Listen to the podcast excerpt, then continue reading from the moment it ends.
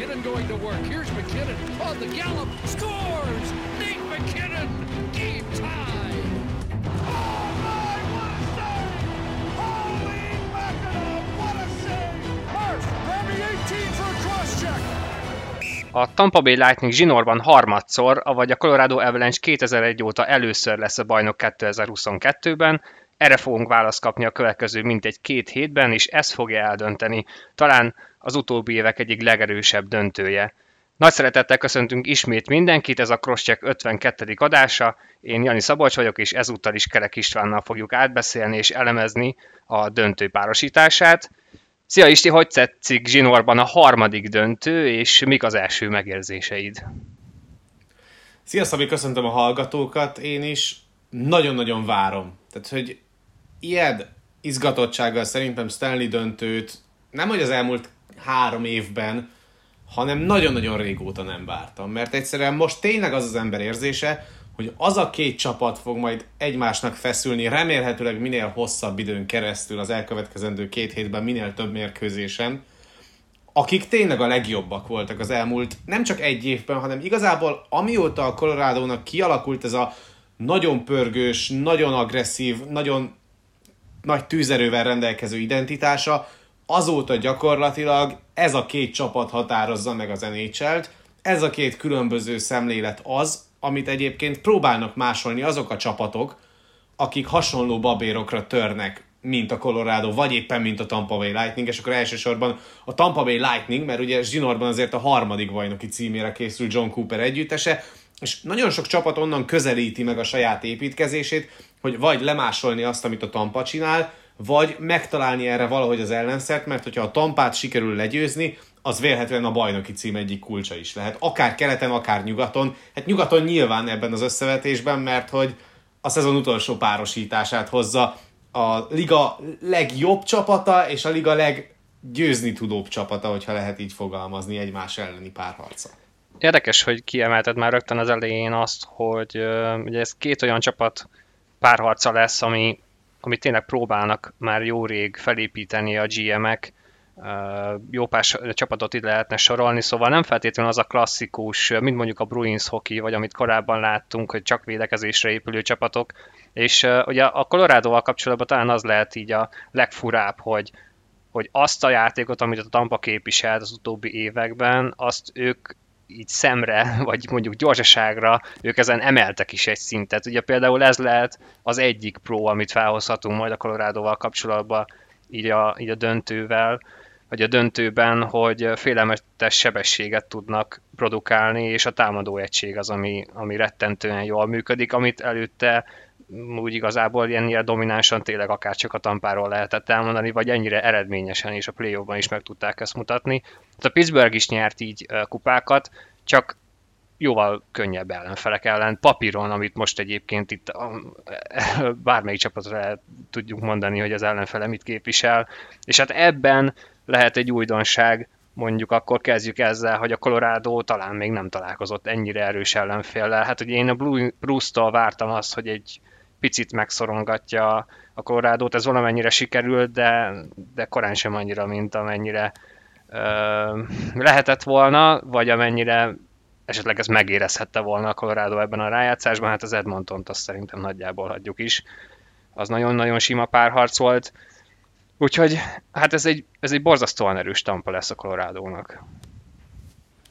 Igen, ugyanakkor, hogyha lebontjuk a tampának az erősségeit, akkor egyébként a Colorado a rájátszásban való menetelése során minden olyan erősséggel találkozott valamelyik párharcban, ami a Tampa erőssége lehet.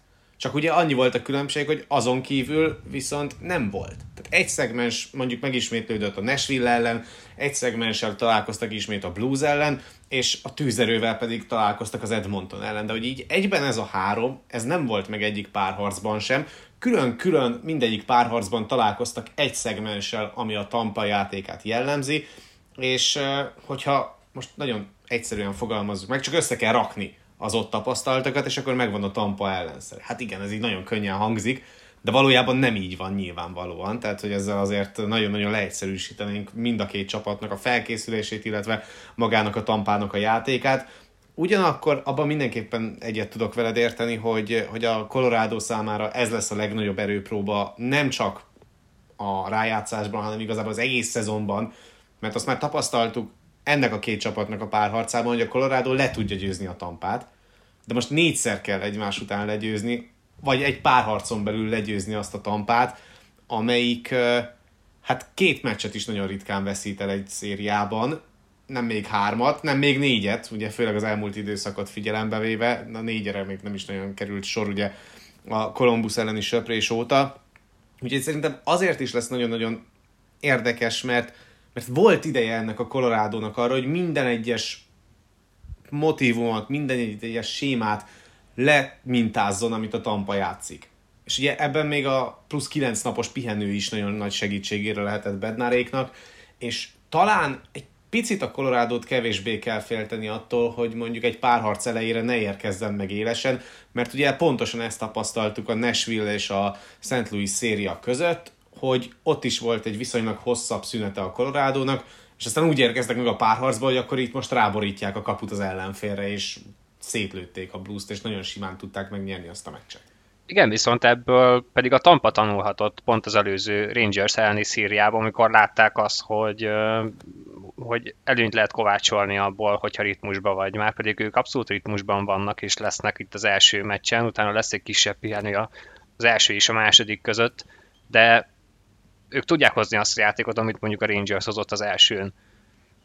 Úgyhogy Szerintem ezzel meg lehet lepni a Colorado-t, ugye a Colorado még nem veszített első meccset ebben a rájátszásban, a Tampa már igen, nem is egyszer, és onnan is fel tudtak állni, ráadásul ugye két nagy pofonról van szó a Leafs és a Rangers ellen, kérdés az, hogy itt a döntőben ezt mennyire lehet megengedni, és ismét idegenben kezdenek, az Evs ellen óriási lesz a hangulat, és szerintem is egyébként nehezen tudom elképzelni, hogy annyira nagyon beragadnak, már ami a Colorado-t illeti, de hát mindenképpen meg lehet lepni az ellenfelet, és szerintem az még óriási kérdés lesz itt az első két mérkőzésen leginkább, hogy most melyik Vasilevskit fogjuk látni, mert a, ebben a playoffban azért már nem egyszer fordult elő, ugyanúgy a Rangers ellen is, a Leafs ellen is, hogy Vasilevski beragadt az első pár mérkőzésre, és ugye nagyon sokan kiemelik nyilvánvalóan ezt a, ezt a szegmensét ennek a párharcnak, mint óriási előny az egyik csapat részére, mert kevés ilyen van, amiben egyértelmű előny van, a kapusposzt az egy ilyen dolog, viszont, viszont láttuk Vasilevskin is, hogy nem mindig száz százalékban, ez egyébként dönthet, hogyha mondjuk Vasilevski megint beragad, és akkor kiegyenlíti ezt a kapuspárharc részét ennek a döntőnek? Szerintem ezen nem bukhatja el a Tampa. Tehát még hogyha rosszabbul is véd Vasilevski, és esetleg produkál egy olyan két meccset, vagy egy olyan első három meccset, mint amilyet a Leafs ellen, még az is beleférhet, mert, mert a túloldalon viszont most nem lesz egy olyan kapus, mint mondjuk volt Campbell a Toronto elleni széria elején, nem lesz egy olyan kapus, mint Sestjorkin az egész Rangers elleni szériában. Tehát, hogy még hogyha gyengébben is véd Vasilevski, a túloldalon egy sokkal gyengébb kapussal fog találkozni a Tampa, mint a gyenge Vasilevski. És hogyha pedig azt kezdjük el nézni, hogy milyen védelem áll mondjuk Vasilevski, és milyen védelem áll Kemper, vagy éppen Francis előtt, ugye ezt meg nem lehet tudni, amikor vesszük fel az adást, hogy éppen melyik kapusnak fog majd az első mérkőzésen bizalmat szavazni Jared Bednar vezetőedző, akkor azt azért hozzá kell tenni szintén, hogy még a rossz Vasilevski előtt egy olyan védelem áll, ami nagyon-nagyon nagy terhet tud levenni róla a blokkolásokkal, illetve a különböző spacinggel, míg a Colorado-nak a védekezése azért hát nem feltétlen arról szól, hogy limitálni tudják az ellenfelek lehetőségeit, és ettől függetlenül sok lövés érkezhet majd az, a, a Colorado-nak a kapujára, és emiatt viszont kell félteni ezt a Colorado-t, hogy hiába, hogy mondjuk egy gyengébb Vasilevskivel találná szembe magát, de ott van a kapuban a saját deficitjük, amit sem Kemper, sem pedig Francis szerintem hosszú távon, és ez a hosszú táv mondjuk ebben a szériában kettő meccs, konstans két ugyanolyan meccset hozna, vagy két ugyanolyan jó meccset hozna a kapuban álló Colorado góli. Ugye itt akkora különbség van, hogy Vasilevskiről nyilván egyértelműen tudunk beszélni az egyik oldalról, neki is voltak rosszabb meccsei, de azt láttuk a, hát az előzőben is, hogy a világ egyik legjobb kapusa ellen is megnyerte a saját párharcát, de a colorado az a helyzet, amit már mondtál, hogy még azt sem tudjuk pontosan, hogy ki fog védeni. mert egyrészt ott van egy Kemper, aki szerintem jelenleg akármennyire furcsa, nagyobb kérdőjel, mert nem százszázalékos, vagy hogyha százszázalékos, akkor is úgy fog belecsöppenni ebbe a döntőbe, hogy egyébként mielőtt megsérült volna a Blues ellen is már gyengébb volt, és akkor a másik opció pedig az a francúz, aki igaz, hogy stabil volt és jól védett, de ez egy döntő egy Tampa Bay Lightning ellen. Úgyhogy mindenképpen ilyen szempontból nehéz helyzetbe lehet a Colorado, és uh, ugye az lehet itt még a kérdés, egyrészt ugye a kapusoknak a, a teljesítménye, de ezzel egyetemben pedig ez abszolút összefügg az előtte lévő védelmemnek az önbizalmát is, ez mennyire tudja megbolygatni az, hogy, uh, hogy biztosan tudnak-e bízni ebbe a kapusba. A Rangersnek szerintem ez volt az egyik nagyon nagy előnye, hogy, hogy rájöttek a Pittsburgh széria második felében, hogy akármennyire is mondjuk tud dominálni támadásban a Pittsburgh, nem kell százszázalékosan odafigyelni minden esetben csak a védekezésre, mert van egy sesztyű, aki megoldja a dolgot. De hogyha ez nincs meg, és a Tampa elkapja a fonalat támadásban is, mert szerintem itt ebbe a párhazba ahogy már te is kicsit érintetted, az lehet még döntő faktor, hogy melyik csapat tud jobban védekezni és jobban leszedni a első sorait a másiknak. Hogyha a támadása is megjön a tampának, és megint a Colorado, akár mondjuk a kapusba vetett hitük miatt, akár azért, mert egész egyszerűen tényleg jobban használják ki a helyzeteket a tampa, akkor az ismét, az is egy döntő faktor. De nagyon sok ilyen dolog van, ami 50-50, de valamelyik irányba mégis elhúz, én egyelőre többet látok a Tampa felé, de ezt majd még, azt még, még pontosabban kielemezzük. Visszatérve még egy fél gondolat erejéig a Colorado kapus helyzetére, ha megnézzük, hogy mennyi hozzáadott értéke van Kempernek és Franzuznak ebben a szezonban a csapat sikereihez, hát akkor túl sok pozitív dolgot nem tudunk felhozni, mert hogy Kemper 90% alatti hatékonysággal rendelkezik, és több mint négy góllal kap többet, mint amennyit a várható gólmutató modellje előrevetítene az ő esetében, és ez a mínusz 4,4-es GSAX mutató, amivel rendelkezik Darcy Kemper, az a 30 rájátszásban kvalifikált kapus közül a 29. helyre sorolható. Még francúznak azért sokkal jobb ez a mérlege, mert hogy ő pontosan annyi gólt kap, amennyit a várható gólmodell előre vetít, 0,0 a hozzáadott értéke ebben a tekintetben Pavel Franzúznak, ez pedig pontosan a középmezőny elejére elegendő, vagy éppen a liga második felének az elejére elegendő, mert hogy a 30 kapusból a 16 mutató az övé ebben a tekintetben. De a Hockey Reference-nek van még egy olyan statisztikai mutatója, ami jól mutatja azt, hogy egy kapus milyen estét fog ki. Ez a minőségi kezdéseknek a statisztikája. Ezek ugye azok a kezdések, amikor a kapus kezdőként az á, a védési hatékonyságának az átlagát felül tudja múlni az adott mérkőzésen, vagy éppen azokon a mérkőzéseken, amikor legfeljebb 20 kapura lövés érkezik a kapujára, akkor is 88,5% fölött tud védeni. Most ugye Kempernek 6 ilyen kezdése van, míg Franzúznak összesen kettő, tehát azért azt hozzá kell tenni, és ki kell hangsúlyozni, hogy a Colorado nem a kapusai miatt van itt, a Colorado az előrejátékának köszönhetően van itt, hogy rettenetesen túl tudják lőni az ellenfelet. Sokkal kevesebb szeretét kellett megmutatnia igazán minőségi játék tekintetében a Colorado-nak a rájátszás menetelés során, mint az ellenfélnek, a tampának, mert ugye sokkal kevesebb szer volt a sarkára állítva ez a Colorado. Tehát amikor esetleg felcsillanhatott a remény az aktuális ellenfél előtt, hogy el lehet vinni egy meccset a Colorado otthonából, teszem azt ugye a Nashville elleni második mérkőzés, teszem azt hozzá a, az Edmonton ellen is volt olyan, szé, olyan mérkőzés, ahol egyébként az Oilers behúzhatta volna a találkozót, akár a negyedik meccs, de hogy, de hogy tényleg mindig túl tudták lőni az ellenfelet, és tényleg a támadó játékának köszönhetően van itt a Colorado, amikor pedig védekeznie kellett, az sem tartott sokáig. Tehát, hogyha visszagondolunk, akkor az Oilers ellen volt igazán az egyetlen olyan párharc, ahol elkezdődött egy olyan tendencia, hogy a Colorado-t 5v5-ben túl tudta lőni az Edmonton. De a gólokat így is az Avalanche lőtte. Szóval a kapusoknak a hozzáadott értéke az ebben a párharcban fokozottan fog majd számítani, és én nem látom azt sem Francis, sem pedig Kemper esetében, hogy ez érdemi eredménnyel párosulna. Mm, menjünk tovább akár mondjuk erre a szegmensre, ugye ez is egy olyan dolog, amit így szembe lehet állítani a Tampa és a Colorado között, hogy és mondjuk ez sok, sok uh, szurkoló, vagy akár korábbi edző, vagy szakértő számára abszolút pro a Colorado részére, hogy a sebesség, és az, hogy túl tudják lőni az ellenfeled, amit mondtál, hogy gyakorlatilag az egész széria során végig-végig sikerült.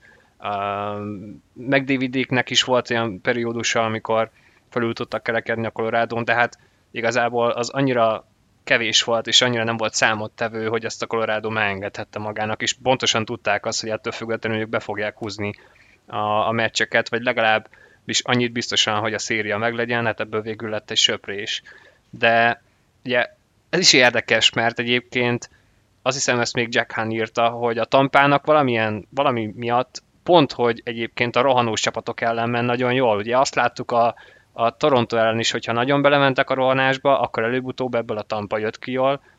A Floridát gyakorlatilag ezzel mosták le, hogy a Florida csak a szaladásba ment bele, és egy csapat volt, amely valamennyien szinten próbált őket lassítani, és lelassította a játékot, az a Rangers, és hát volt olyan periódusa ennek a szériának, amikor bajba is kerültek emiatt. Szóval egy pro a kontra, vagy a pro a Colorado részére, hogy, hogy óriási sebességet tudnak diktálni, és ez a játékuk alapja, csak ezt a Tampa ismeri, szóval tényleg pro ez? Figyelj, alapvetően az mindenképpen pro egy csapat mellett, hogyha nagyságrendekkel többet tud kapura lőni, mint az ellenfél. És a Colorado-nál pontosan ugyanez van, hogyha megnézzük az összes kapura lövési kísérletet minden egyes mérkőzésen, tehát ebben ugye benne vannak azok, amik eltalálják a kaput, ami elmegy a kapu mellé, meg ami elakad a blokkban. 12-2 a Colorado-nak a mérlege eddig ebben a rájátszásban, tehát játszott 14 mérkőzést az Avalanche, ebből mindössze egyszer fordult elő, hogy az ellenfél túl tudta őket lőni 5 az 5 ellen. Ez az Oilers elleni harmadik meccsen történt meg.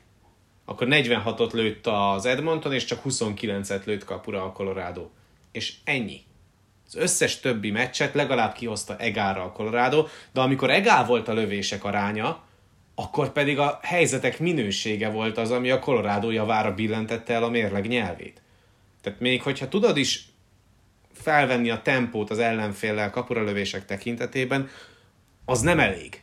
És ez a legrosszabb egy Colorado ellenfél számára, hogy nem csak arra kell koncentrálni, hogy jó, oké, akkor lőjenek, ahogy, ahogyan akarnak, meg ahogy tudnak, szorítsuk ki őket a periméterre, kelljen sokkal többet vállalni a Makárnak mondjuk a kék vonalról, és sokkal többet kelljen felkorcsolyáznia a kör tetejére, hogy aztán le lehessen indítani még jobb eséllyel az ellenfél védekezését. Ez nem fér bele, mert hogyha meg kevés lövésen tartod a Colorado-t, akkor meg a Colorado minőségibb helyzeteket fog kialakítani, mint te. És ez a sokrétűség az, ami nagyon-nagyon nehézé teszi az Avalanche elleni védekezés megközelítését. Persze a tampának meg pont megvan az ellenszere erre, hogyha pusztán megnézzük a személyzetet, illetve a, a backpárokat és a játékrendszert, amit alkalmazott az egész rájátszásban, de főleg azokon a mérkőzéseken, amikor igazán nagy tétje volt a találkozónak, tehát amikor kiesés elkerülésért ment a Tampa, vagy éppen a párharc lezárásáért. Tehát, hogy alapvetően egyébként meg a, ha nagyon meg akarjuk egyszerűen közelíteni azt, hogy mi lehet az, ami itt mégiscsak a Colorado ellen szólhat, az az, hogyha kevés gól van. Mert hogyha kevés gól van, akkor az egyértelműen a Tampa számára előnyös, mert kevés gólt a Tampa is tud ütni. De az, hogy mondjuk lőjön hatot egy meccsen a Tampa, az elképzelhetetlen. És a Colorado-nak pedig ugye viszont megvan a tűzereje, ezt pontosan láttuk már ebben a szezonban, ebben a rájátszásban, nem is egyszer, hogyha kell, akkor ütnek hatot, ha kell, ütnek hetet. És egyébként, hogyha ezt nézzük, én, én emiatt, ez, emiatt a dolog miatt féltem leginkább a Colorado-t, mert fogunk még itt végigvenni jó pár pontot, és megvizsgálni azt, hogy melyik csapat jöhet ki ebből jobban, de a tényleg az egyértelmű pro lehet az a colorado ez, amiről most beszéltünk, a sebesség, a gollövés, a tűzerő. Viszont én azt gondolom, hogy ennek a prónak olyan szinten kell jönnie, ennek százszerzalékosan kell jönni a Colorado részéről ahhoz, hogy ezt a szériát meg tudják nyerni. Pontosan azért, mert én azt gondolom, hogy a többi pontban, amit majd végigveszünk, nagyságrendileg többször a Tampa fog nálam kijönni uh, erősebbként. Nem biztos, hogy az első körben ezt mondtam volna, de ahogy haladnak előre, főleg egyébként, amit most legutóbb a Rangers ellen mutattak sorozatban háromszor, az valami félelmetesen összeszedett és nagyon-nagyon profi volt. Ennek például az egyik hatalmas eleme a Cirelli féle sor, és, és tényleg az, hogy hogy meg tudja fogni az ellenfelet akkor is, hogyha tempót növel. Rá tud meccselni Cooper bárkire. És nem csak, a, nem csak ez a sor működik nagyon-nagyon jól a tampánál, amivel egyébként meg tudják fogni megkinonékat szerintem szinte biztosan, és itt, itt meg megint az a része jöhet elő a dolognak, hogy meg lesz-e a mélysége a Colorado-nak, meg lesz-e a sebessége a Colorado-nak az alsó soroktól is, meg lesz-e a támadó szellem és a tűzerő az alsóbb soroktól is, mert egy sort biztos, hogy ki fognak venni Szirelliék mert hogy ebben nagyon-nagyon jó a Tampa, és ezt láttuk, hogy egyszerűen félelmetes, hogy nem a Rangers ellen a, a széria második felében már nem csak arról volt szó, hogy megfogták Zibanejadéikat, totálisan ledominálták őket, és ők támadtak gyakorlatilag folyamatosan. Ez nagyon veszélyes lehet a Colorado szempontjából, tehát azt gondolom, hogy, hogyha ezt és négyszer megpróbálják, és négyszer meg kell verniük a tampát, akkor az csak így működhet, hogyha ez a pró náluk, maximálisan kijön. Ja, ami ijesztő volt a Rangers szempontjából az előző pár harcban a Tampa ellen, az az, hogy annyira jól sikerült forgatni a sorait John Coopernek, hogy még azokon a mérkőzéseken is, amikor a Rangersnek lett volna meg a lehetősége először cserélni, vagy utoljára cserélni és rácserélni az ellenfélre, akkor is nagyon-nagyon jól sikerült erőltetni azokat a párharcokat Coopernek, amikor Cirelliék Zibanezsadék ellen játszhattak. És szerintem ez lesz majd a kulcsa ennek a meccsnek is, és én ezt várom talán a leginkább a, a rengeteg-rengeteg szelet közül, amire fel lehet osztani ezt a döntőt, azokat a szituációkat és azokat a perceket 5v5-ben, amikor McKinnonék Cirelliék ellen játszanak. A liga legjobban támadó sora, a liga egyik legkompaktabban védekező sora ellen fog majd játszani és tényleg Cirelliről már nagyon sok mindent elmondtunk ebben a rájátszásban, én a közvetítések során is nagyon sokat igyekeztem, mert végre tényleg idén már nem csak arról van szó, hogy akik sok Lightning meccset néznek, azok gondolják tényleg egy elitvédőnek Anthony Cirellit, hanem bizony, ahogyan már szintén beszéltük korábban, most már a közvélemény is kezd eljutni arra a szintre, hogy Anthony Cirelli olyan szinten tud játszani, mint Patrice Bergeron játszott ennyi idősen, és azért az egészen jó előjel lehet a továbbiakra nézve Szireli számára. Ugye 5 az 5 elleni játékban, az idei playoffban Szireli 251 perc 58 másodpercet töltött a jégen. 60 percet játszott Zibanezsed ellen, majdnem játszott 53 percet Matthews ellen, és 25 és fél percet játszott Barkov ellen. Így nagyjából kerekítve, most nem egész másodpercekre gondolva. Összesen ez idő alatt tehát 252 perc alatt Szirellivel a jégen 5 az 5 ellen 6 gól született.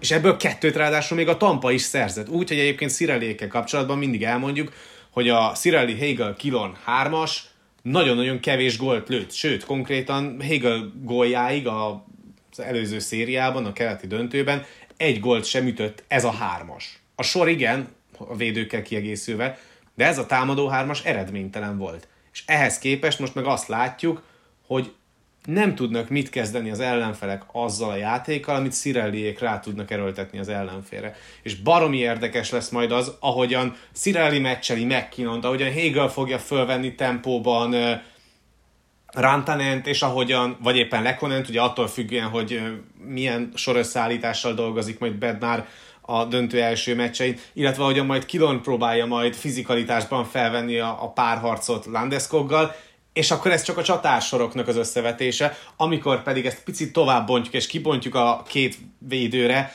akkor pedig az is nagyon jó lesz, hogyha mondjuk Tévsz szembe kerül McDonaldval, és Csernek fog majd védekezni Makáron, mert hogy ugye Csernek azért jóval mobilisabb játékos, mint McDonald, tehát amikor Makár elindul az ellenfél harmadába, és kontrollált korongbeviteleket fog majd folyamatosan csinálni, mert arra nem lehet, nem lehet számítani, hogy Makárt ebben fel lehet tartóztatni, akkor majd azok lesznek szintén egy nagyon jó párharcnak az alapjai, hogy amikor Makár Csernákkal fog ke- e- szembe kerülni. És nagyon érdekes majd az is, hogy, hogy ugye a Tampa Bay-nek a két védője, ugye McDonough és Csernák úgy védekezik, hogy Csernák a baloldali, és McDonough pedig a jobboldali hátvéd, és az is jó kérdés lesz, hogy majd mennyire próbálja meg úgy cipelni a korongot Makár, hogy mondjuk ö, olyan meccsapot keressen, ahol a hátvéd nem tudja az ütőjével pusztán lezárni a palánk melletti sávot úgy, hogy csak kirakja, és nem tudja, nem kell keresztbe tenni a saját teste előtt az ütőjét. Mert hogyha ezeket a párharcokat megkeresi, akkor megint Makárnál lesz az előny, vagy éppen a korongot a támadó harmadba a bevívő csatárnál lesz az előny, de én nem tudom elképzelni azt, hogy erre ne legyen valami válasza a tampának, de tényleg na, annyira összetett pusztán ez a két sor egymás elleni párharca, hogy szerintem erről majd még fogunk beszélni a közvetítések során is, meg hát ezt fogjuk majd látni nagyon-nagyon sokszor, főleg akkor, amikor majd Cooperék cserélhetnek rá a Colorado-ra a harmadik, negyedik mérkőzésen. Az első meccs az ebből a szempontból érdekes lesz, hogy felvállalja mondjuk Cooper, Cooper ellen kapásból ezt a párharcot Bednár.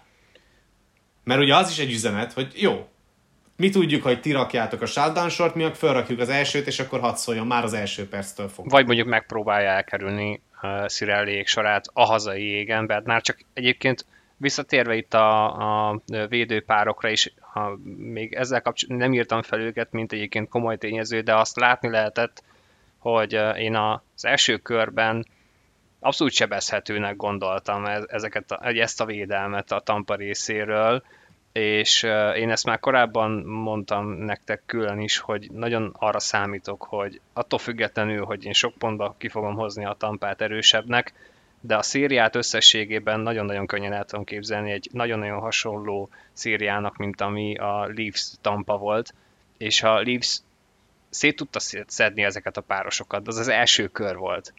És ez is egy olyan eleme a Tampának, amit én láttam a Rangers ellen, hogy elképesztő minőségben tudott fellépni a Szergacsev Bogozsen páros. Bogozsen olyanokat húzott az utolsó két mérkőzésen, amit még szerintem sohasem láttunk tőle mind támadásban, mind védekezésben egyébként. Szóval, hogy ennyire mély tud lenni a tampának mindkét irányba a harmadik backpárja, az szerintem egy olyan fegyver lehet, McCarthy páros ide vagy oda, ami mélységet jelent, és, és nagyon-nagyon értékes perceket tud adni a másik két párosnak a Tampa védelmében.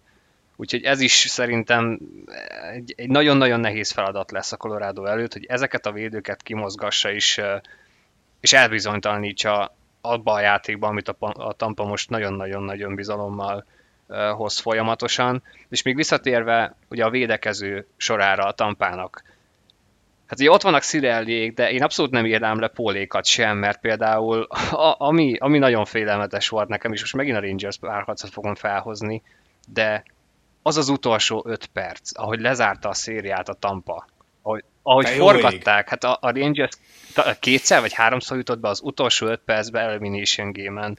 A, Két lövése a, a volt zónájában. az ellenfél kapujára a Rangersnek, úgy, hogy mind a kettő periméter lövés és, volt. Tehát, hogy az alsóbb sorok is olyan méretetlen profizmussal zárták a, a, a saját, vagy a semleges zónát és a saját zónájukat, hogy köpnyelni nem tudott a Rangers gyakorlatilag abba a legkritikusabb utolsó 5 percbe. Nyilván a Colorado egy teljesen más dimenzió. De biztos, hogy lesznek olyan részei a párharcnak, vagy akár olyan harmadai a párharcnak, amikor ez szerintem meglepően nagyon jól fogja, az Colorado számára nagyon meglepően jól fogja hozni a Tampa, mert ilyennel, ilyen játékelemmel, ilyen szinten még nem találkozott a Colorado. Itt tényleg minden azon múlik, és megint ezt hozom fel, sokszor fel fogom még lehet, hogy hozni, valóban a sebessége és a túlzereje a Colorado-nak, hogy teljesen mindegy, hogy mennyire profi lesz a, a Tampa védekezése, a, a semleges zónás zárása nem fogja őket érdekelni, mert akár körbe koriz mindenkit. Hogyha ez meg lesz, és folyamatosan ezt tudja hozni uh, egymásra, folyamatosan a cserékre a Colorado, akkor lehet megtörni ezt a tampát. Egyébként a Leafsnek ez sokszor sikerült, szóval ezért gondolom azt, hogy ugyanúgy, ez is ugyanúgy egy nagyon-nagyon szoros párharc lesz, és akár hét meccses. Úgyhogy itt egy picit érintettük a meccsapokat is, de arra még szerintem később térjünk vissza. Mit gondolsz a sérültekről? Én nagyon sok olyan véleményt hallottam, ami szerintem számomra meglepő, már csak amiatt is, mert hogy már most nagyon sok olyan dolgot hoztunk fel, ami, ami döntő lehet ebbe a szériába, de nagyon sok szakértő egyetlen egy párosítást emleget, az a Kadri Point téma, hogy ha lesz Kadri és nem lesz Point, ha lesz Point és nem lesz Kadri, ha egyikőjük se lesz, ha mindkettő lesz, nagyon sok fajta verziót felvázolt már mindenki, és különböző esetekben a másik csapatnak adott előnyt, és hogy az eldönti a szériát. Szerinted ennek a két embernek a jelenléte, vagy éppen nem jelenléte lehet ilyen szinten döntő faktor egy ilyen döntőben? Ugye Point zsinórban 10 mérkőzést hagyott ki, és Kadrit pedig ugye megműtötték, és azt hiszem nem olyan rég már elkezdte a konditermes edzéseket, és pont Bednár mondta azt, hogy már elkezdhet hamarosan majd korcsolyázni is, és teljes értékű edzésmunkát végezni a jégen, ami azért bizakodásra adhat okot a Colorado-nál. De egyébként én pont, hogyha nem hoztad volna be ezt a szegmest, és visszaadtad volna nekem a szót, én is e felé tereltem volna a beszélgetést, mert hogy a Tampa bay a legjobb dolog, ami történhetett ebben a rájátszásban, hogy kiesett Braden pont a rotációból, és összerakhatta ezt a shutdown short John Cooper, mert eredetileg, hogyha van egy egészséges point, akkor a Cirelli, Hegel, Kilorn 3-as soha nem játszik együtt 5 az 5 ellen a jégen. Mert ugye akkor úgy állt volna fel a Tampa, hogy Cirelli és Point egy sorban, Kilorn van még velük, és akkor a harmadik sor nézett ki volna úgy, hogy Paul, Hegel, és akkor még valaki, vagy Colton, vagy Perry. Most attól függően, hogy éppen hogy jön ki a meccs. De hogy ezért szerintem a tampát akkor sem kell félteni, hogyha nincsen point. Mert hogyha meg van point, akkor meg össze lehet rakni a többi sort úgy, hogy ez a hármas megmaradja, mert a tampának ez a kulcs, hogy ez a shutdown line Cirellivel az élem meglegyen. Mert egyébként annyira jól működik, fizikalitásban is, letámadásban is, semleges zónás védekezésben is, illetve saját kék védekezésben egyaránt ez a, ez a hármas a Lightningnál. Kadrinak a szerepe sokkal fontosabb a Colorado számára, mert hogyha nincsen Kadri, akkor nincsen második soros centere a csapatnak, és láttunk már olyan kísérletet Jared Bednártól, hogy oké, okay, akkor Rantanen úgyis kikerült az első sorból, ugyanakkor játszott a második sor szélsőjeként, és akkor behozta, behozta őt második soros centernek Bednár, tehát hogy vannak erre törekvések, de Rantanen nem tud annyira effektív lenni a pálya közepén, mint mondjuk a szélről befelé korcsajázva. Rantanen egy olyan játékos, aki egyébként tud centert játszani, korábban is játszott centert adott esetben, de azért láthattuk azt a minőségbeli különbséget a centerként történő játéka és a szélsőként történő játéka között. Tehát én egyébként azért félteném a Colorado-t Kadri nélkül, mert akkor nincsen a tempóbeli mélység. És persze, én írtam a Facebook oldalamon egy rövid elemzést arról, hogy miért inkább a saját védőharmadból való koronkihozatal, és ezáltal a védők játéka határozza meg azt, hogy a Colorado Avalanche ennyire nagy tempót tud diktálni 60 percen keresztül 5 az 5 elleni játékban, de ahhoz, hogy ez hatékony legyen az ellenfél harmadában is, és amikor eljut a korong az ellenfél kékéig, akkor ne csak tovább legyen löbbölve a korong, hanem akkor abból legyen kialakított helyzet is, ráadásul minőségi helyzet, ahhoz viszont már a támadóknak a kreativitása kell, és szerintem kreativitásban nagyon-nagyon megvan lőve akkor Colorado, hogyha nincsen kádri a második sorban. Mert persze a harmadik és a negyedik sor ugyanazt fogja tudni hozni, de hogyha meg kell bontani ezt a második sort, és stabilan kell játszani kádri nélkül, akkor az egyik, hanem a legjobb játék szervezőjét veszíti el a Colorado, és McKinnont és Makárt azért nem hozom bele ebbe a kontextusba, mert mert ők egészen másképpen szervezik a játékot, Kadri ezzel szemben a hagyományos játékszervező, aki akkor is nagyon jól tud érvényesülni a jégen, hogyha nincs előtte terület. McKinnon és Makár, hogyha nincsen előttük terület, és lassítani kell a játékukat, akkor az annyira nem áll jól neki. Kadrinak viszont az is jól áll, hogy Sőt, lassít. ez a játék a leginkább gyakorlatilag ez a játéka, és az is jól áll neki, amikor mondjuk transitionből kell megverni valakit. Láttunk rengeteg olyan megugrást a playoff korábbi részében, amikor Kadri volt az egyik megugró ember, és ment kettő az egy ellen a játék, vagy három a kettőben. Tehát, hogy nekem az a gondolatom, hogy sokkal kevésbé lesz divers a Colorado támadó játék akkor, hogyha nincsen Kadri. Mert az a problémám nekem az első hat csatárával a Colorado-nak, hogy mindegyik lendületből tud menni, és lendületből tud igazán érvényesülni, hogyha nincsen lendület, hogyha meg kell küzdeni minden egyes négyzetméterért, vagy négyzetcentiért, amit éppen kaphat valaki, akkor abban Kadrinak nagyon nagy szerepe lenne. És láthattuk azt, hogy a Tampa akkor szenvedett igazán a Leafs ellen is, amikor Tavares ott volt második soros centerként. És persze Tavaresnek nem volt egetrengető a játéka, nem volt látványos De a ott játéka. volt. De amit mondjuk letámadásban tudott hozni, az nagyon-nagyon sokat segített a Torontónak ahhoz, hogy mondjuk 3-2-vel mehessen Tampába. Igen, nekem is ez a párhuzam jutott eszembe, ugye a Torontóval kapcsolatban is, hogy mivel tudta nagyon-nagyon megszorítani a tampát, az, hogy végül is ott voltak, ugye a, a, a széria elején nem ment nekik igazán jól a játék, de ahogy haladtak előre, ugye egyre inkább jobb volt, aztán hát ugye végül is a hetedik meccsen lőtt is gólt, egy nagyon fontos gólt Tavares, amit nem adtak meg, de nem, nem ez a lényege ennek, hanem hogy a mélysége a top 6-nek. Uh, és én is nagyjából ezen a gondolatmeneten mentem végig, hogyha engem kérdezel ugyanezzel kapcsolatban, Kadri sokkal fontosabb a Colorado-nak, egyébként ő is könnyedén visszatérhet, most nem tudom, ponttal már a Rangers ellen is folyamatosan kérdezték Coopert, és mindig mondta, hogy majd nem sokára már a következő mérkőzésen, de egyértelműen ő sem lett megerősítve, hogy visszatér. Könnyen előfordulhat az, hogy mindkettőjüket látjuk, de akkor lehet ebből előny a Colorado számára, hogyha elsősorban, hogyha Kadri visszajön, mert fura, de én is azt gondolom, hogy a, point, hogy a tampának majd, hogy nem mindegy, hogy visszajönne point, mert nagyon-nagyon rizikós tud ez lenni. Hogyha visszajön, tegyük fel 100%-os, valószínűleg nem lesz az.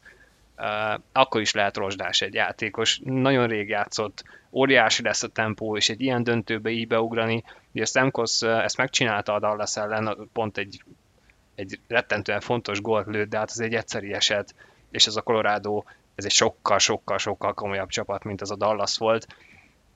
És akkor egy nagyon picit talán átkanyarodnék akkor ez, ezáltal arra, ami, ami szintén fontos lehet, az pedig a rutin. Ugye Colorado-nak és szinte mindenkinek az első döntője. Bednárnak nem tudom, hogy bármikor a karriere során volt-e, szerintem nem, de hogyha igen, akkor majd valaki írja meg kommentben. Minden esetre abszolút rutintalan a Colorado, nem voltak még döntőben, nem voltak ennyire mélyen. A tampának minden megvan. Cooper veszített döntőt, nyert döntőt, szinte mindenki kulcsemberek közül ugyanígy áll a tampánál. Kettőt húztak be egymás után, viszont, viszont nagyon-nagyon éhes lesz a Colorado, szóval itt is van ugyanúgy pro-kontra, szóval ez sem az lenne, hogy itt akkor minden a tampánál szól, hanem egy nagyon picit, mégiscsak az a pici rutin ott van, a Colorado viszont rettentően éhes lesz, ez, ez, ez biztos.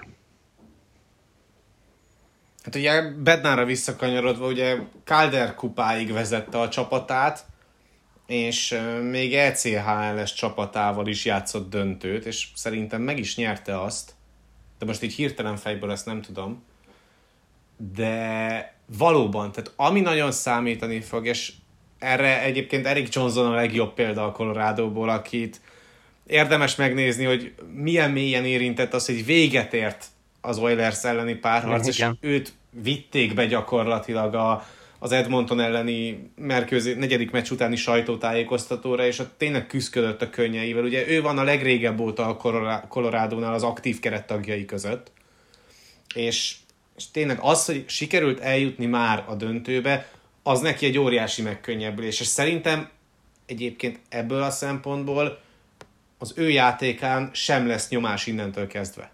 Legalábbis pusztán nem lesz ott rajta az a teher, hogy na, akkor most csináljuk úgy, hogy legalább a döntő legyen meg, mert az még nagyon nem volt, meg a közelében sem voltunk sose. És ebből abszolút előnyt is kovácsolhat a Colorado, és szerintem itt például McKinnonnak a, a személyisége óriási plusz lehet. Elképesztően éhes és harcos uh, srác is abszolút vezére ennek a Colorado-nak.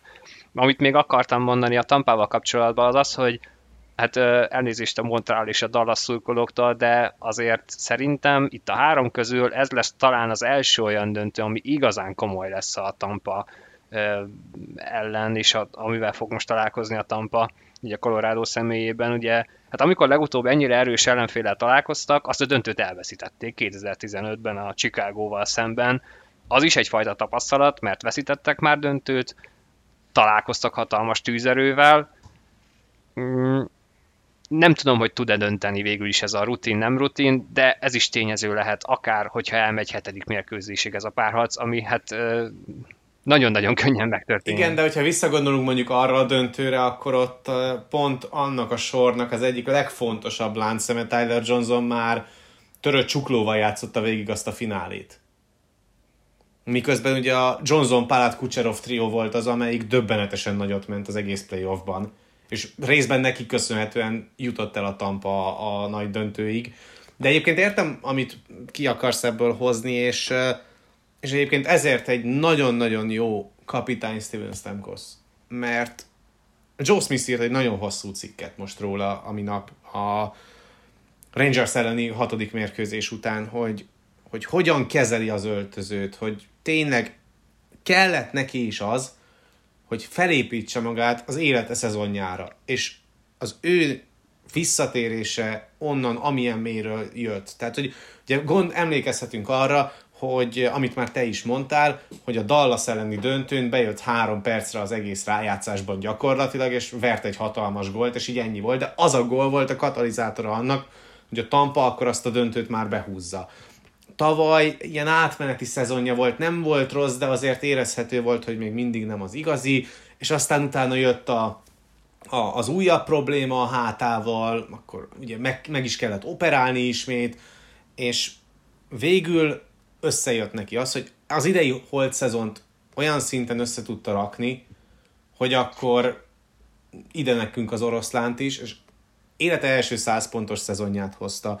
De, de ez az, hogy most a jégen mit csinál, az, az egy dolog, de, de az, ahogyan egyben tudja tartani az öltözőt, az, ahogyan a, a Toronto elleni hatodik mérkőzésnek az egyik szünetében így, így odaállt, és így nem mondott nagy dolgokat, de egyszerűen amikor azt mondta, hogy ez, ez nem az az este, amikor számunkra véget ér a történet, az onnantól kezdve annyira magával tudta ragadni az összes Tampa játékost, hogy onnantól kezdve már mentek idegből, és, és ez jól jött ki a Tampának. És nyilván nagyon-nagyon sokat tesz hozzá, és Stemkosznak is nagyon jól megy a rájátszásban. És egyébként Stemkosznak a szerepe is nagyon érdekes ebben a, a point nélküli Lightningban, mert egyébként baromi jól áll Steven Stemkosznak újra a center poszt. Tehát az, amit mondjuk az elmúlt két évben, amit mondjuk végigjátszott, az nem tapasztaltad meg, hogy, hogy milyen jó is lehet, mert egyszerűen nem volt elég alkalmas arra fizikálisan, hogy ő centert játszon és beleálljon adott esetben a védekező párharcokba is. Sokkal inkább ki volt rakva a szélre, ott kisebb a kockázati tényező a játékában, és akkor ezzel megvan oldva. És ebből látszik, hogy nagyon jó formában van, és százszázalékos Stamkos, hogy abszolút elvitte ezt a center pozíciót a Rangers ellen, sőt, és nem tudom, emlékszel-e, még valamikor a szezon elején, szerintem körülbelül november körül adtunk együtt egy Lightning meccset is, mert ott látszott, hogy Stemkosnak nagyon jó szezonja lehet. És akkor mondtam, hogy, hogy ez, ez azért fontos, mert a ligának kell egy nagyon-nagyon jó Steven Stamkos. Kicsit furán hangzik így, hogy back-to-back kupán nyertek már akkor is.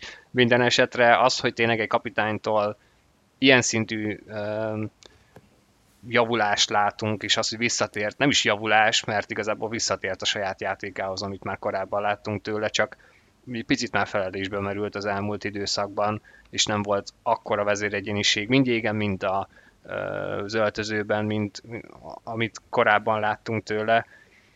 Ez is óriási értéke ennek a döntőnek, és hát amit már mondtunk a másik oldalon pedig a fiatalok is, McKinnon tűzereje, mind a jégen, mind az öltözőben, Makár zsenialitása, szóval, hogy beszéljünk a colorado is, és amit még akartam mondani itt a mélységgel kapcsolatban és kadri kapcsán, hogy nagyon-nagyon fontos lenne, bár ezt már sokat gyára mondom ebben a rájátszásban, hogyha mégse lesz kadri az, hogy legyen egy jó Rantanen, talán róla is egy picit, mint hogyha itt az utolsó mérkőzésen is azzal, hogy meg lett a főcsoport döntő, ugyanúgy, mint Eric Johnsonról lekerülhet egy kisebb kő, és ugye ő megérkezik, és akár centerként el tudja vinni ezt a második sort, akkor lehet, hogy Kadri se kell, akkor lehet tényleg az lesz, hogy a Colorado erőből, és sebességből, és skillből megoldja ezt a Lightningot, mert semmiképp sem akarom leírni őket, itt most nagyon sok mindenből a tampát hoztam ki, de hát láttuk a Torontótól, hogy meg lehet törni ezt a tampát. Az más kérdés, hogy a Toronto ezt nem tudta befejezni, ami óriási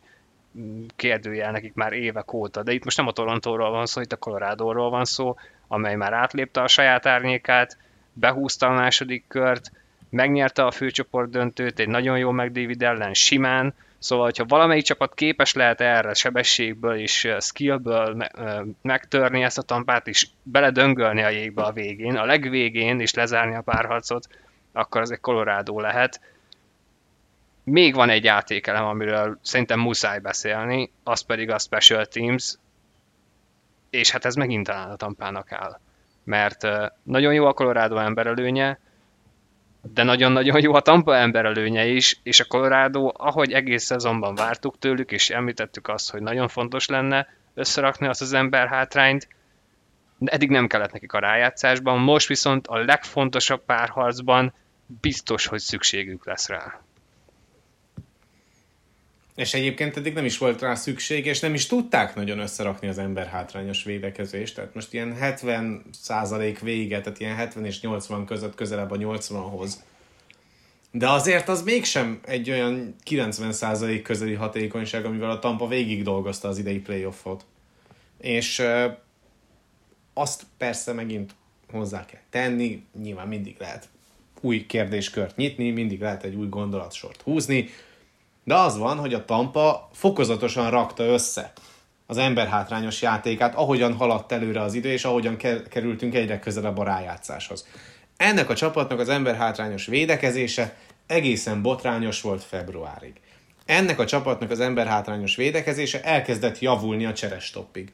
A cserestopp után maradt nagyjából ugyanazon a szinten, majd amikor meg lett Hegelnek a posztja, amikor meg lett uh, Nick Paulnak a posztja, amikor elkezdték Belmárt úgy forgatni ember hátrányban, hogy legyen hozzáadott értéke az ember hátrányban töltött jégidőnél, azután lett meg ennek a Lightningnak az igazi ember hátrányos játéka.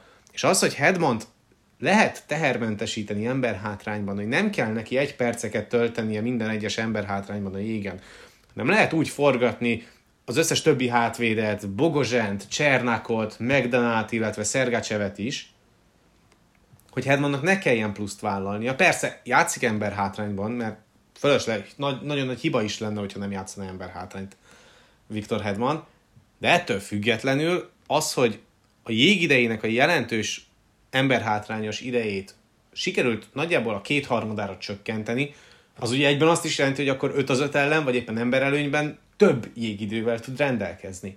És nagyon fontos a Lightningnál ez a load management, és ha már ezt a load managementet most behozom, akkor muszáj Makáról is beszélni, mert Makáról meg pont Bednár mondta el, és ezt egyébként láttuk pontosan a St. Louis elleni szériában, hogy ha valakinek nagyon-nagyon rosszul tud jönni egy törés a, a menetelésben, az pont Makár. Ugye egészen kiváló szériája volt a Nashville ellen, 10 ponttal zárta azt a négy meccset, és aztán jött a Blues elleni sorozat, ahol így persze a játékai megvoltak, megvoltak a, a highlight reel megmozdulásai is, de azért mégsem az a Kél Makár volt a Blues elleni szériában a égen, akit megszoktunk az egész rájátszásban előtte, vagy akit megszokhattunk az alapszakaszban. És hogy, hogy nem, miután a Blues elleni széria véget ért, és lendületből érkezhetett meg az Oilers elleni sorozatba, ott is ugyanazt hozta, mint amit korábban a Nashville ellen, amikor lendületből érkezett egy párharcba és ezért egy picit lehet félteni mondjuk a Colorado-t az első meccsen mindenképpen, hogy akkor most melyik Makárt kapja meg. Azt a Makárt, amelyik ugyanolyan rozsdásabban kezdte a Blues elleni párharcot, vagy azt, akit láttunk az Oilers, vagy éppen a Nashville ellen, vagy éppen az alapszakasz jelentős részében. És hát ahhoz, hogy a Colorado-nak meglegyen ez a gépezet, amit már említettünk sokszor, aminek mindenképpen meg kell lennie ahhoz, hogy négy meccset nyerjen a Tampa ellen, az, az a lendületes támadás, az a sebesség, és az az óriási kreativitás, amire képes a Colorado, és hát aminek az alapja Makár, szóval az ő játéka azonnal kelleni fog. Nagyon nehéz elképzelni, hogy, hogy lehet itt meccset leadni a, a, rögtön az első két meccs közül bármelyiket. Persze könnyedén megtörténhet, hogy oda-vissza egy-egy meccset elvisznek, minden esetre az első perctől kelleni fog Makárnak a lendülete és a támadó játéka, és ez jó, hogy ezt kiemelted, mert ez nagyon-nagyon fontos lesz, hogy ő beragad-e vagy sem. Ahogy egyébként az egész Colorado gépezet. Hát nem tudom, Isti, neked van-e még esetleg olyan fontos pontja ennek a párharcnak? Persze nagyon sok mindenről lehet beszélni, de amit mindenképpen akarnál elemezni, vagy, vagy, vagy átnyálazni. Annyira jó, hogy nem beszéltünk össze. De hogy gondolom az amerikai szakírókkal sem nagyon beszéltél össze, vagy hát, próbáltam hívogatni őket. Felvezetéseket nem... írnak a Sportsnetre, vagy éppen a Diatletikre, de hogy az van, hogy mindenki valamiért teljesen megfeledkezik arról a két játékosról, mind a két oldalon, akik gyakorlatilag eldöntötték az előző párharcot. Mert hogy Arturi Lekkonen és Ondrej Palat Bizony. neve, pedig már beszélünk lassan egy órája, de hogy föl sem merült. És az a döbbenet, hogy egyébként az ilyen elsődleges beharangozók tekintetében nagyon kevés cikkben említik őket, miközben ugye Palátnak a játéka elengedhetetlen volt ahhoz, hogy a Lightning visszajöjjön a szériába a Rangers ellen. Arturi Lekkonen pedig a legjobb árérték arányú játékosa lett az egész cserestopnak, hogyha úgy fogalmazunk. Mert az, hogy küldtek érte, azt hiszem egy második körös Igen, pikket Montrealba. prospektet is küldtek Montrealba érte, de hát ugye ott az az óriási nagy pozitívum, egyrészt, hogy amit művel itt a rájátszásba, és lehet, hogy kupáig viszi a Colorado-t, ahogy ez nem sikerült a Montrealnál, ő korlátozott szabadügynek is, szinte biztos, hogy őt meg fogják tudni tartani, itt abszolút nem arról van szó, mint mondjuk Kadrinál, hogy lehet, hogy nem látjuk már őt Colorado mezben. Szóval, hogy ez a két játékos, ez rettenetesen jó az egész playoffban. Ugye Lekonennek már van három győztes gólja egyébként így fű alatt, ami a legtöbb holt versenyben a, playoff mezőnyében. És ugye Palát meg dra, ö, szabadon igazolható lesz a következő holt szezonban. 31 évesen bizony. És ugye nem csak a harmadik, negyedik, ötödik meccsen játszott hatalmasat Palát, hanem a hatodik meccsen is adott egy olyan keresztpaszt Kucserovnak, ami után jött ugye Stemkosznak a második gólja, hogy élmény volt nézni, és, és Lekonen meg azért nagyon jó, és én azért nagyon szeretem a játékát, mert bármilyen helyzetben felrakhatod a égre. Hogyha előnyt kell tartani, akkor megoldja a fizikalitásával. Ha egyenlítésért kell menni, akkor a tempójával tudja ugyanezt megtenni. Ha ember hátrányban kell védekezni, azt is vállalja, és abba is bele tud állni teljes melszéresség és amikor pedig be kell ugrani az ember előnyös sorba, akkor pedig bumperként vagy kapu mögötti játékosként ugyanúgy használ. És mennyivel jobb csere volt ezt a jó ég, mint hogyha Giroud hozták volna, és, és mondtam a cserestopp előtt, hogy, hogy nem kell a Colorado-nak Giroud, kell egy olyan játékos, akit olcsóbb megszerezni. Nem játékszervező játékosra Nem, egy ilyenre. a Colorado-nak, mert abból van Egy, rengeteg. pontosan egy ilyenre, az a klasszikus fényjátékos, akit lehetetlen lelőni. Esze is van a játékhoz, ügyes a keze, és hát ezt egyébként a negyedik mérkőzésen tökéletesen megmutatta minden egyes elemét ennek, korongszerzésben, aztán utána a győztes gól, de hát a túloldalt Palat pedig szinte ugyanez, csak ő már ezt évek óta hozza a Lightningnak, de hogy ilyen szinten most a rájátszásban ő is emelt a játékán, Hát ugye ő az első játékos, aki két meccsen is tudott lőni, az utolsó két percben győztes gólt. Hát ekkora clutch játékos, most beszéltünk már nagyon sok mindenkiről, beszéltünk Stamkosról is, ahogy fellépett center pozícióba, de hogy vannak ilyen extrák mindkét oldalon, és nagyon-nagyon könnyen előfordulhat, hogy, hogy ezt a szériát is egy olyan játékos fogja eldönteni, aki csak így, csak így megérkezik. Mint ahogy mondjuk az első körben tette ezt Paul a Leafs ellen. Egy hetedik meccsen egy Paul nyerte meg, ezt még nem tudom megemészteni minden esetre. Erről szól ez a rájátszás, és, és ettől szép a hoki, és én biztos vagyok benne, hogy lesz egy hőse ennek a, ennek a döntőnek is, ha nem is a végső, de, de egy-egy meccsen mindenképpen. Úgyhogy szerintem kibeszéltük ezt nagyjából Isti, vagy van-e még bármi?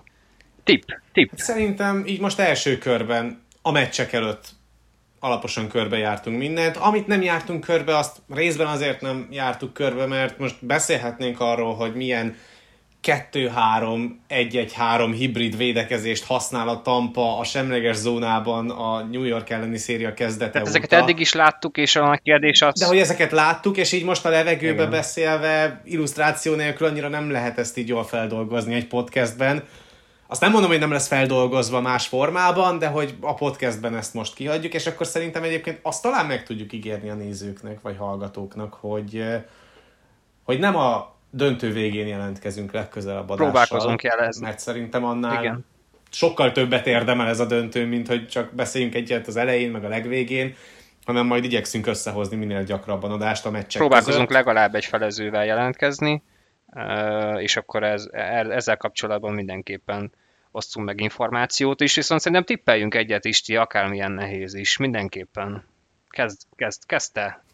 Én rettenetesen örülök annak, hogy, hogy ez a döntő jött össze, mert rengeteget fogok rajta dolgozni, akár kommentátorként, akár szakkommentátorként, és nagyon-nagyon szeretném, hogy most végre megkaptuk azt a döntőt, amit mindenki szeretne látni. És hogy ez tényleg olyan legyen, mint amilyet mindenki akar látni, és ne olyan legyen, mint az Edmonton elleni nyugati döntője a Colorado-nak, ahol mindenki nagyon várta már azt, hogy na akkor David és McKinnon hét meccsen keresztül szétszedik egymást a jégen, és rengeteg gólt ütnek, és varázslatos támadójáték, és hét meccsen dől el a történet, aztán a Colorado kicsapta őket 4-0-val. Én egy hét meccset szeretnék látni, és hogyha hét meccsig elmegy a történet, akkor szerintem a rutin el fogja vinni ezt a, ezt a döntőt, és, és ott a Tampa diadalmaskodik. Úgyhogy meg lesz az repeat, uh-huh. hét meccsen. Akkor látunk ismét egy olyat, ami a 80-as évek óta nem történt meg, és a Pittsburgh nem tudta ezt, ezt megismételni. Én is így vagyok ezzel, hogy, hogy azt gondolom, hogy ebben a párhazban tényleg lesz minden, és nem csak az lesz, hogy az egyik csapatnak abszolút összejön a saját játéka, és a másikára nem tud válaszolni, csak egy-egy rövid időszakra, ami nagyon-nagyon kevés, például az, mint az Edmonton csinált végül a Colorado ellen. Szerintem erről fog szólni, erről a párharcról, és ezt be fogja mutatni ez a két csapat, hogy mi az igazi hoki 2022-ben, és emiatt én örülök nagyon, hogy ez a, én is, hogy ez a döntő valósul meg.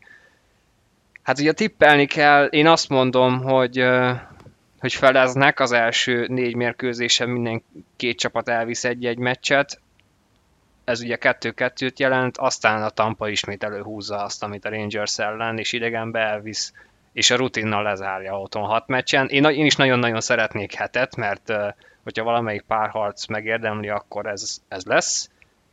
De az korábban felsoroltak miatt, és amiket én így érzékelek, hogy mi lehet a pro a Tampa részére, és amilyen önbizalommal és profizmussal hozták le a Rangers pár harcot, azt gondolom, hogy ezt ők meg tudják ismételni megint, és meg lesz a, meg lesz a repeat hat meccsen. Viszont tényleg az van, hogy nem írom le a colorado hogyha nekik sikerül azt hozni, ami, ami valóban az ő játékuk, és óriási lendülettel végigmennek ezen a rájátszáson, akkor ők is beúszhatják, szóval nem, nem írom le a colorado itt már csak az beszél belőlem, hogy a, Tampa az elképesztően profi csapat. Úgyhogy amit mondtál, jelentkezünk, podcasttel is adjuk az összes mérkőzést az Arena 4 pluszon, csütörtök hajnal kettőkor indul a döntő, úgyhogy nézzétek, hallgassatok minket, kövessétek figyelemmel ezt a döntőt, mert és amúgy fontos, hogy a tévés ismétlések jobb időpontban lesznek úgy általában, mint az alapszakaszban voltak. Tehát, hogy mindegyik délután, hétvégén a korábbi sávban, hétköznap pedig ilyen este hat környékén lesznek. Az első heti meccsek azok a kivételek, de azon kívül tényleg nagyon jó időpontban lehet majd figyelemmel kísérni őket. Így van, minden mérkőzést ismétlünk, úgyhogy innentől kezdve tényleg csak az marad hátra, hogy valaki szurkoljon, valaki csak élvezze ezt a döntőt, méltó esemény lesz ennek a szezonnak a lezárására, úgyhogy majd jelentkezünk mi is. Köszönjük, hogy itt voltatok, sziasztok! Sziasztok!